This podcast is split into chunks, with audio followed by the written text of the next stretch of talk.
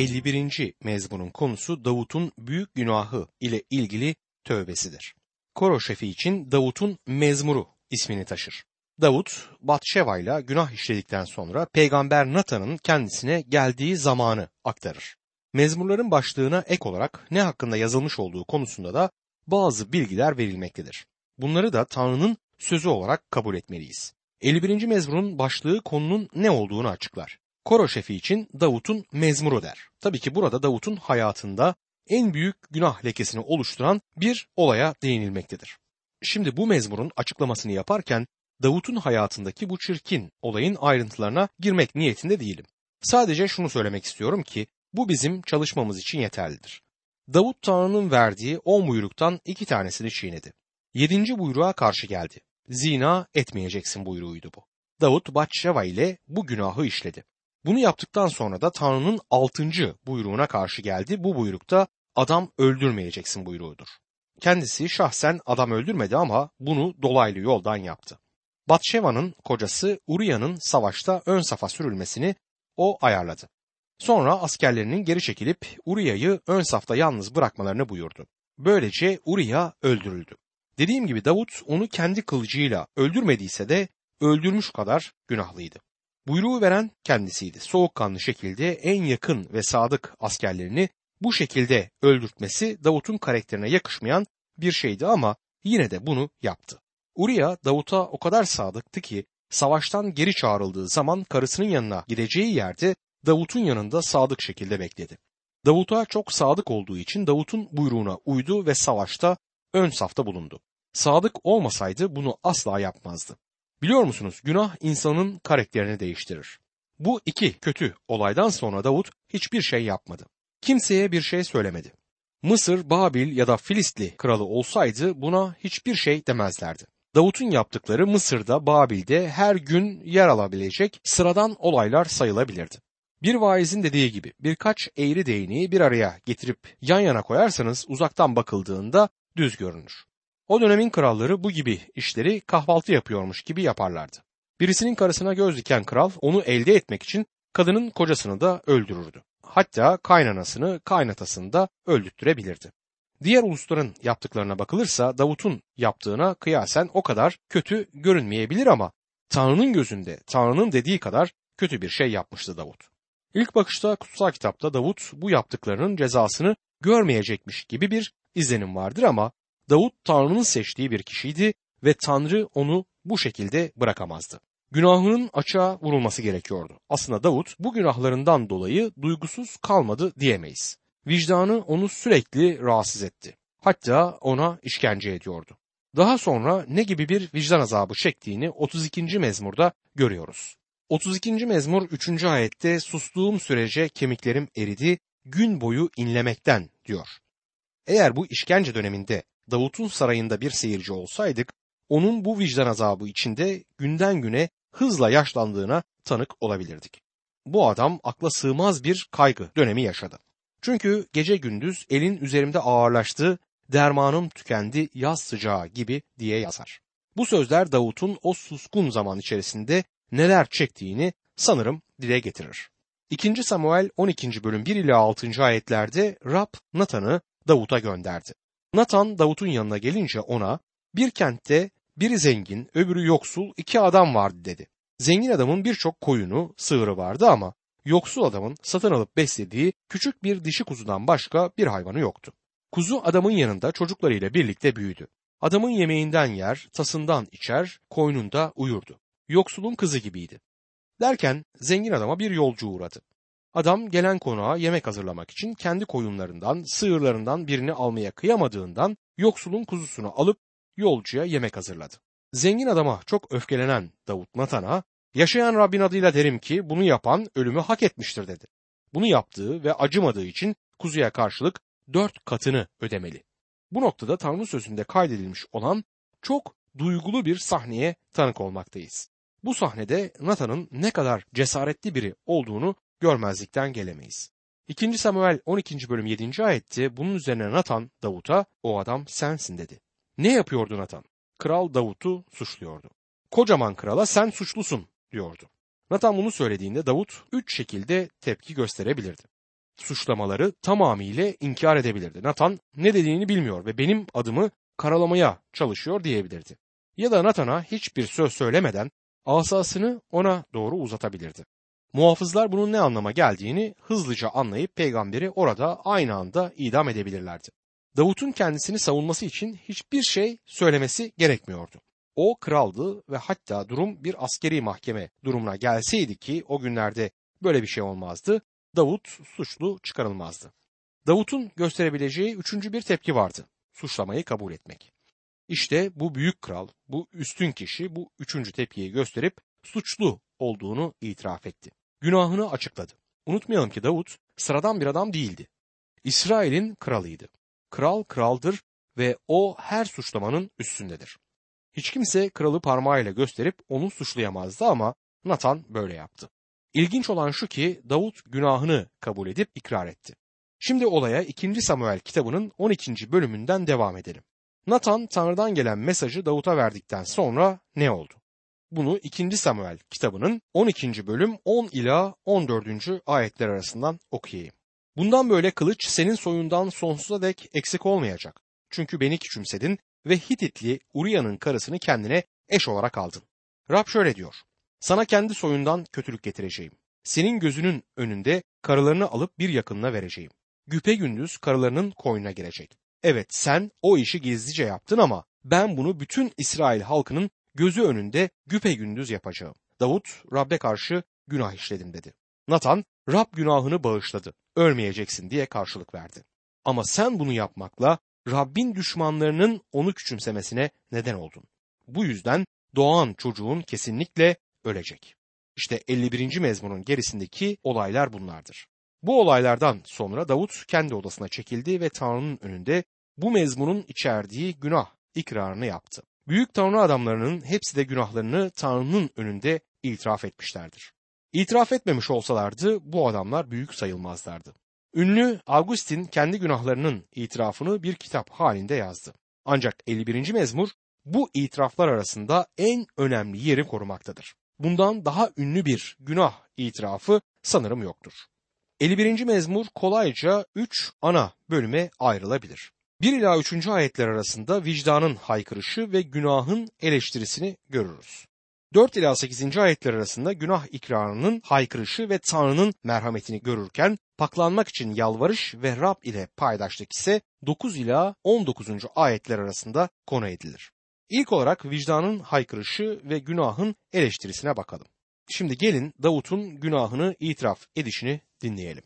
51. mezmur 1 ila 3. ayetler arasında Ey Tanrı lütfet bana, sevgin uğruna, sil isyanlarımı, sınırsız merhametin uğruna, tümüyle yıka beni suçumdan, arıt beni günahımdan.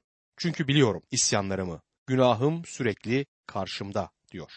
Günah oldukça karmaşıktır. Hiçbir zaman basit sonuçlar getirmez. Davut burada günahını belirtmek amacıyla birkaç betimleme kullanır. Kutsal yazılarda ise Tanrı günahı betimlemek için bundan daha fazla sözcük kullanmıştır. Günah her zaman karmaşıktır. İyilik ise çok basit. Bunu bir örnekle açıklamaya çalışayım. Diyelim ki elimde bir değnek var ve bunu arkamda saklıyorum. Değneği görmüyorsun ve sana elimdeki değnek eğri diyorum. Sen bu değneğin eğri olduğunu göz önünde canlandırmaya çalışırken senin gözünde nasıl bir manzara oluşur? Değnek değişik şekillerde eğri olabilir. Değneğin ne şekilde eğri olduğunu anlatmaya kalkışan iki kişinin eminim ki anlattıkları birbirine uymayacaktır. Değneğin eğri oluşu bin bir şekilde tasvir edilebilir. Yay gibi eğri, yılan gibi eğri, bir ucu eğri, orası eğri ama kenarları düz ve devam edip gider. Ama diyelim ki arkamda sakladığım bir değnek değil de bir cetvel olsun. Bunu insanlara söylediğim anda herkes bunun düz bir cetvel olduğunu göz önünde canlandırabilecektir. Bir cetvel ancak bir şekilde düz olabilir. Neresinden baksan düzdür. Buna benzer biçimde günah karmaşıktır ama iyilik basit. Davut peygamber ilk olarak günahının bir başkaldırı olduğunu kabul eder. Baş kaldırmak bazı eylemlerde çizilen sınır çizgisini aşmak demektir. Kardeşim bu hayatta Tanrı bizler için bazı sınırlar çizdi. Yani hudutlar koydu. Onun kurduğu bazı fiziki yasalar vardır. Bunların yanı sıra yine onun belirlediği ahlaki yasalarda bulunur. Aynı zamanda ruhsal yasaları da vardır. İnsan bu yasaların belirlediği sınırı aşmaya giriştiği anda gereken cezayı çekmek zorundadır. Sınırı aşmak baş kaldırmak olarak görülür. Baş kaldırı işte budur. Sınırı aşmak. Davut aynı zamanda günahını suç olarak görür. Suç ne demektir? Bir şey tümüyle yanlış olduğunda suç ortaya çıkar. Suç öyle bir şeydir ki bunu işleyen kişi bahane bulamaz. İşlediği suçtan dolayı özür dileyemez. Hiçbir koşul altında suçu onaylayamayız. İşte suç budur. Sonra günah diye çevrilen ikinci sözcük bulunur. 2 ve 3. ayetlerde bunu İbranice'de çathat sözcüğü olarak görebiliriz. Bunun anlamı günah sunusu olur. 4. ayette kullanılan çatat sözcüğünü Septuagint çevresi Grekçe olarak hamartia sözcüğü olarak kullanır. Bunun anlamı hedefe erişememek demektir. Tanrı'nın belirlemiş olduğu aşamaya hedefe ulaşamamak. Tanrı'nın ahlaki ölçülerine erişemiyoruz. Bugün insanlar bu açıdan günahlıdır. Tanrı'nın belirlediği ruhsal ve ahlaki aşamaya insanlık erişemez. Romalılar 3. bölüm 23. ayette çünkü herkes günah işledi ve Tanrı'nın yüceliğinden yoksun kaldı der. Davut aynı zamanda işlediği günahı itiraf ederken kötülükten de söz eder. Yanlış bir eylemden söz etmektir bu. Şunu açıkça belirtmeliyim ki Tanrı sözü bu konuda taviz vermez. Neyin doğru, neyin yanlış olduğunu açıkça belirtir. Evet bazı kesin olmayan konularda Tanrı sözü suskun kalıyor ama aynı zamanda bazı şeylerin kesinlikle yanlış olduğunu belirtir. Beyaza beyaz der, siyaha da siyah. Bu konularda Tanrı kuşku götürmez biçimde emin şekilde bilgi vermektedir. Kötü aslında yanlış olan şeydir. Davut yapmış olduğu şeyin kesinlikle yanlış olduğunu belirtirken bunun kötü olduğunu söyler. Yaptığı işin kötü olduğunu kabul etmektedir. İnsan kendi doğasını anlamadan ne kendisini ne de öbür insanları anlayabilir. Ama kendimizi tam olduğumuz gibi gördükten sonra karakterimizi makyajla güzelleştirebileceğimizi sanmamalıyız. Birbirimizi aldatabiliriz hatta biraz çaba harcarsak kendimizi bile aldatabiliriz ama Yüce Tanrı'yı asla aldatamayız. O her şeyi bilen ve görendir. Davut'un günahını görebildiği gibi senin benim günahımı da görmektedir. Onun gözünde her birimiz küçüğümüzden büyüğümüze dek her birimiz günahlıyız. Bu gerçek değiştirilemez. Kutsal söz kesin olarak hepsi günah işledi diyerek günahlarımızın sorumluluğunu haklı olarak bizim üzerimize yükler. Günahın yanlış olduğunu biliyoruz. Günahlılığının bilinci oranında her insan günahlarından sorumlu tutulacaktır. Bu açıdan hiçbirimiz benim haberim yoktu, ben bilmiyordum diyemeyiz. Davut günahın yanlış olduğunu derin bir biçimde bilme aşamasına gelmişti. O günahtan nefret ediyor. Günah işlediği için kendisinden de nefret ediyordu. Kendisini tümden kirli hissediyordu. Vicdanı aşırı oranda onu suçladı. Suç hissi daha kadar büyüktü. Bu adamın canında şöyle bir korku bulunur. Vicdanı ona suçunu gösterip kendisini suçlayarak içindeki bilinci bağırarak Davut'un suçlu olduğunu Davut'a bildirir. Birisi sorabilir vicdan iyi bir rehber olabilir mi? Doğrudur vicdanımız bize doğru yolu gösteremez ama onun belli bir işlevi de bulunur. Vicdanımız bize bir şeyin doğru ya da yanlış olduğunu önceden söyleyemez. Vicdanın görevi ve işlevi bu değildir. Vicdan bize bir eylemden sonra doğru ya da yanlış yaptığımızı söyler. Bir şeyi yapmadan önce vicdan bunu yapma, bu yanlıştır diyemez. Ancak bunu yaptıktan sonra yanlış bir şey yapmışsak bizi iğnelemeye başlar ve yanlış yaptın der. Yeni Antlaşma bölümünden size bir örnek vereyim. Elçi Paulus Korint'teki kiliseye yazdığı mektubunda bu vicdan olayına değinip 1. Korintliler 10. bölüm 25 ve 26. ayetlerde şöyle der. Kasaplar çarşısında satılan her eti vicdan sorunu yapmadan sorgusuz sualsiz yiyin. Çünkü yeryüzü ve içindeki her şey Rabbindir. Sonra şöyle bir açıklamada bulunur. 1. Korintliler 10. bölüm 29. ayette. Senin değil öbür adamın vicdan huzuru için demek istiyorum. Benim özgürlüğümü neden başkasının vicdanı yargılasın? Elçi Paulus aslında şunu söyler. Senin et yemen ya da yememen Tanrı'yı ilgilendirmez ama sen birinin evine gidersen ve orada sana et ikram edilirse etin nereden geldiğini ev sahibine sorma. Eğer bu etin putperestlerin tapınağından satın alındığını biliyorsan eti yerken vicdanın bu konuda seni zaten suçlayacaktır. Çünkü nereden geldiğini bildiğin halde bu eti yersen diğerlerini yanlış şekilde etkilersin. Ama etin nereden geldiğini bilmiyorsan, ev sahibi bunu sana söylememişse o zaman bu eti yemek yanlış değildir. Burada gördüğümüz gibi vicdan bir şeyin doğru ya da yanlış olduğunu belirtmez. Sadece yanlış bir şey yaptığımız zaman onun yanlış olduğunu söyler. Bazı insanların vicdanları bazı konularda rahatsızdır. Diğer konularda ise rahatsız olmaz. Bu konu insandan insana değişir. Vicdanın sesine kulak vermemek çok tehlikeli bir şeydir. Şimdi Davut'un vicdanı ona konuşacak. Bu kez onun vicdanının haykırışı onu günah konusunda eleştirir. Yaptığı yanlıştı ve bu konuda hiçbir bahane bulamazdı. Dinleyin Davut ne diyor? Çünkü biliyorum başkaldırılarımı. Günahım sürekli karşımda. Bunu söyleyen kimdir? İsrail'in kralı. Günah itirafının haykırışı ve Tanrı'nın merhameti konusuna geliyoruz. Şimdi günah işleyen kişi günahını itiraf ederken haykırıyor ve Tanrı ona karşı merhametini sergiliyor. 51. mezmur 4. ayette sana karşı, yalnız sana karşı günah işledim. Senin gözünde kötü olanı yaptım. Öyle ki konuşurken haklı, yargılarken adil olasın. Davut bu ifadesinden dolayı birçok kişi tarafından eleştirildi.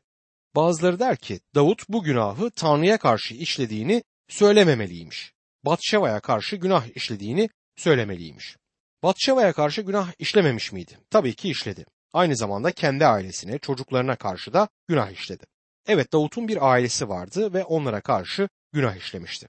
Eleştirmenler Davut bunlara karşı günah işlediğini söylemiyor. Sanki onlarla hiç ilgilenmiyormuş gibi sadece Tanrı'ya karşı günah işlediğini söylüyor diyorlar. Aynı zamanda Davut'un yaptığı Yarışilim'deki topluma karşı işlenen bir günahtı diyorlar. Evet Davut tabii ki İsrail ulusuna karşı günah işledi. Ulusun kralı olarak bunu yapmamalıydı. Tanrı'nın yasalarını ayaklar altına aldı. Ama şunu bilmeliyiz ki son hesapta günah her zaman Tanrı'ya karşı işlenmiştir. Batşeva şu anda ortalarda yoktu. Onun ailesine ne oldu bilmiyorum. O günün toplumu da ortalarda yoktu. Kaybolup gitti. Kılı kırk yarmak gerekirse diyebilirim ki bugün İsrail ulusu Davut'un soyundan gelenlerle idare edilmiyor. Ancak Davut'un işlemiş olduğu günah Tanrı'nın yasasına karşı hala duruyor. O günah hala Tanrı'ya karşı işlenen bir günah olarak bilinecektir. Gelin şimdi bir kez daha kutsal kitaptan bu tarihsel olayı okuyalım. Tanrı Davut'a 2. Samuel 12. bölüm 10. ayette şöyle diyor. Bundan böyle kılıç senin soyundan sonsuza dek eksik olmayacak. Çünkü beni küçümsedin ve Hititli Uriya'nın karısını kendine eş olarak aldın. Bu suçlamanın karşısında Davut itiraz etmedi. Kendini savunmaya çalışmadı. 2. Samuel 12. bölüm 13 ve 14. ayetlerde Davut Rabbe karşı günah işledim dedi. Nathan Rab günahını bağışladı, ölmeyeceksin diye karşılık verdi. Ama sen bunu yapmakla Rabbin düşmanlarının onu küçümsemesine neden oldun.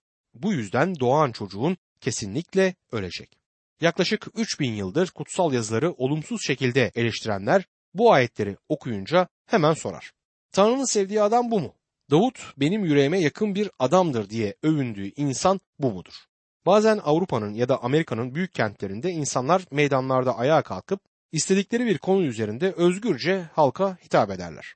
Bu konuşmalardan birine tanık oldum. Avrupa'nın bir kentinde bir adam çevresine bir sürü insan toplamış onlara kutsal kitabın ne kadar yanlış olduğunu anlatıyordu. Adamın üstü başı kirli ve alaycı bir tavrı vardı. Tanrı ile alay ederek şöyle konuştu. Bakın bize diyorlar ki Tanrı kutsaldır. Bu nasıl iş? Tanrı Davut'a diyor ki Davut sen beni gerçekten rencide ettin. Kutsallığın gösterdiği tepki bu mu? Kardeşim Davut bu olaydan kolay kurtulmadı. Tanrı ona ne dedi? Ama sen bunu yapmakla Rabbin düşmanlarının beni küçümsemesine neden oldun. Bu yüzden doğan çocuğun kesinlikle ölecek. Tanrı'nın dediği oldu. Daha sonra Tanrı ne dedi? Bundan böyle kılıç senin soyundan sonsuza dek eksik olmayacak. Çünkü beni küçümsedin ve Hititli Uriya'nın karısını kendine eş olarak aldın. Yine Tanrı'nın dediği oldu. Gerçekten kılıç Davut'un soyundan hiç ayrılmadı. Ona ve onun soyuna acı verdi. Tüm bunlar Davut'un işlemiş olduğu günahın getirdiği sonuçlardı. Ömrünün sonuna kadar Davut günahlarının cezasını ödedi. Sadece Batşeva'dan doğan ilk çocuğu ölmekte kalmadı. En sevdiği oğlu Avşalom kendisi öldükten sonra tahtına oturtmak istediği sevgili oğlu da feci bir şekilde öldü. Davut bu sevgili oğlu Avşalom'un savaş meydanında öldüğü haberini alınca kaftanıyla başını örttü ve Yarışulim'in duvarlarına çıkan merdiveni tırmanmaya başladı. 2. Samuel 18. bölüm 33. ayette kral sarsıldı. Giriş kapısının üstündeki odaya çıkıp ağladı. Giderken ah oğlum Avşalom, ah oğlum Avşalom diye inliyordu. Keşke senin yerine ben ölseydim oğlum. Ah oğlum Avşalom. Davut oğlu Avşalom'un Rab ile diri bir bağlantısı olduğuna inanmıyordu. Onun yaşamasını istiyordu. Değerli kardeşim inan ki Davut işlemiş olduğu günahın yeryüzünde ödenmesi gereken bedelinin karşılığını ödedi. Şimdi Davut'un söyleyeceklerine dikkat edelim. Çünkü bu günahının her insanda bulunan günah doğasına dayandığını açıklayacaktır. 51. mezmur 5. ayette nitekim suç içinde doğdum ben. Günah içinde annem bana hamile kaldı diyor. Evet eski günlerde Davut bunu anlamıştı. Biz de anlıyoruz ki dünyaya günahlı bir doğaya sahip olarak geldik. Elçi Paulus da bu gerçeği tanıdığı için hem Galatya'daki kiliseye hem de Tanrı sözü aracılığıyla Galatyalılar 6. bölüm 1. ayette bize diyor ki, Kardeşler eğer biri suç işlerken yakalanırsa, ruhsal olan sizler böyle birini yumuşak ruhla yola getirin. Siz de ayartılmamak için kendinizi kollayın. Meşhur yazarlardan Göte, benim işleyemeyeceğim bir günahın başkaları tarafından işlendiğine tanık olmadım dedi. Samuel Johnson ise şöyle der. Her insan en yakın dostuna bile söylemeye cesaret edemediği şeyleri yapabileceğini kendisi iyi bilir.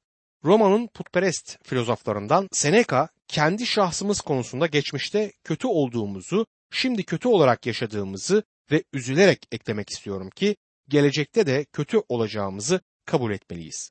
Hiç kimse kendini kurtaramaz. Birinin ona elini uzatıp onu çukurdan çıkartması gerekir dedi. Tabii ki Tanrı sözü tüm bunları bize bildiriyor. Vaiz kitabının yazarı Vaiz 7. bölüm 20. ayette çünkü yeryüzünde hep iyilik yapan, hiç günah işlemeyen doğru insan yoktur der. Özdeyişler 30. bölüm 12. ayette ise öyleleri var ki kendilerini tertemiz sanırlar. Oysa kötülüklerinden arınmış değiller der. Evet bunu zaten biliyoruz. Bazı insanlar var ki doğru olduğunu sanıyor. Ama bunlar günaha karşı hassas değiller. Kışın ortasında Doğu Anadolu'da bir kar fırtınasının ortasında yürümekte olan adama benzerler. Adam yürürken yorulduğunu düşünüp oturup dinlenmek ister. Kendisine ne olduğundan habersizdir ama yanındakiler daha tecrübeli olduklarından ona oturmamasını söylerler çünkü adam donmak üzeredir. Oturup dinlenecek olursa donup ölür. Günümüzde birçok insan var ki ibadet yerlerinde oturup vaizi dinlemek istiyorlar ama hayatlarındaki öldürücü günaha karşı hassasiyetleri yok. Günahlı olduklarını hissetmiyorlar. Kar fırtınasının ortasında oturmak isteyen adam gibi orada oturup ölecekler. Kardeşim yalnız bir kurtarıcıya ihtiyacımız var diyemeyiz. Aynı zamanda günahlarımızdan temizlenmeye, arınmaya ihtiyacımız var. En ünlü müjdecilerden biri olan Elçi Paulus bile şöyle demek zorunda kaldı. Romalılar 7. bölüm 18. ayette. İçimde yani benliğimde iyi bir şey bulunmadığını biliyorum. İçimde iyi yapmaya istek var ama güç yok. Bakın Davut ne yaptı? Olayın köküne indi. Günahlı bir doğaya sahip olduğunu kabul etti. Davut günahını itiraf etmeye devam eder. 51. mezmur 6. ayet. Madem sen gönülden sadakat istiyorsun, bilgelik öğret bana yüreğimin derinliklerinde diyor. Tanrı senin yüzeysel hayatında ilgilenmez. Belki herkes seni Mesih imanlısı olarak biliyor, belki vaftiz oldun ama İsa Mesih'te kurtuluşun, yeni yaşamın yok. Bu dış eylemlerin ve görüntülerin hiçbir yararı yoktur. Belki bir kilise üyesisin. Tanrı ilgilendirmez. Kilisenin çobanı durumuna bile nasılsa gelmiş olabilirsin, bu da önemli değildir. Tanrı insanın gönlünde en derin varlığında sadakat arar.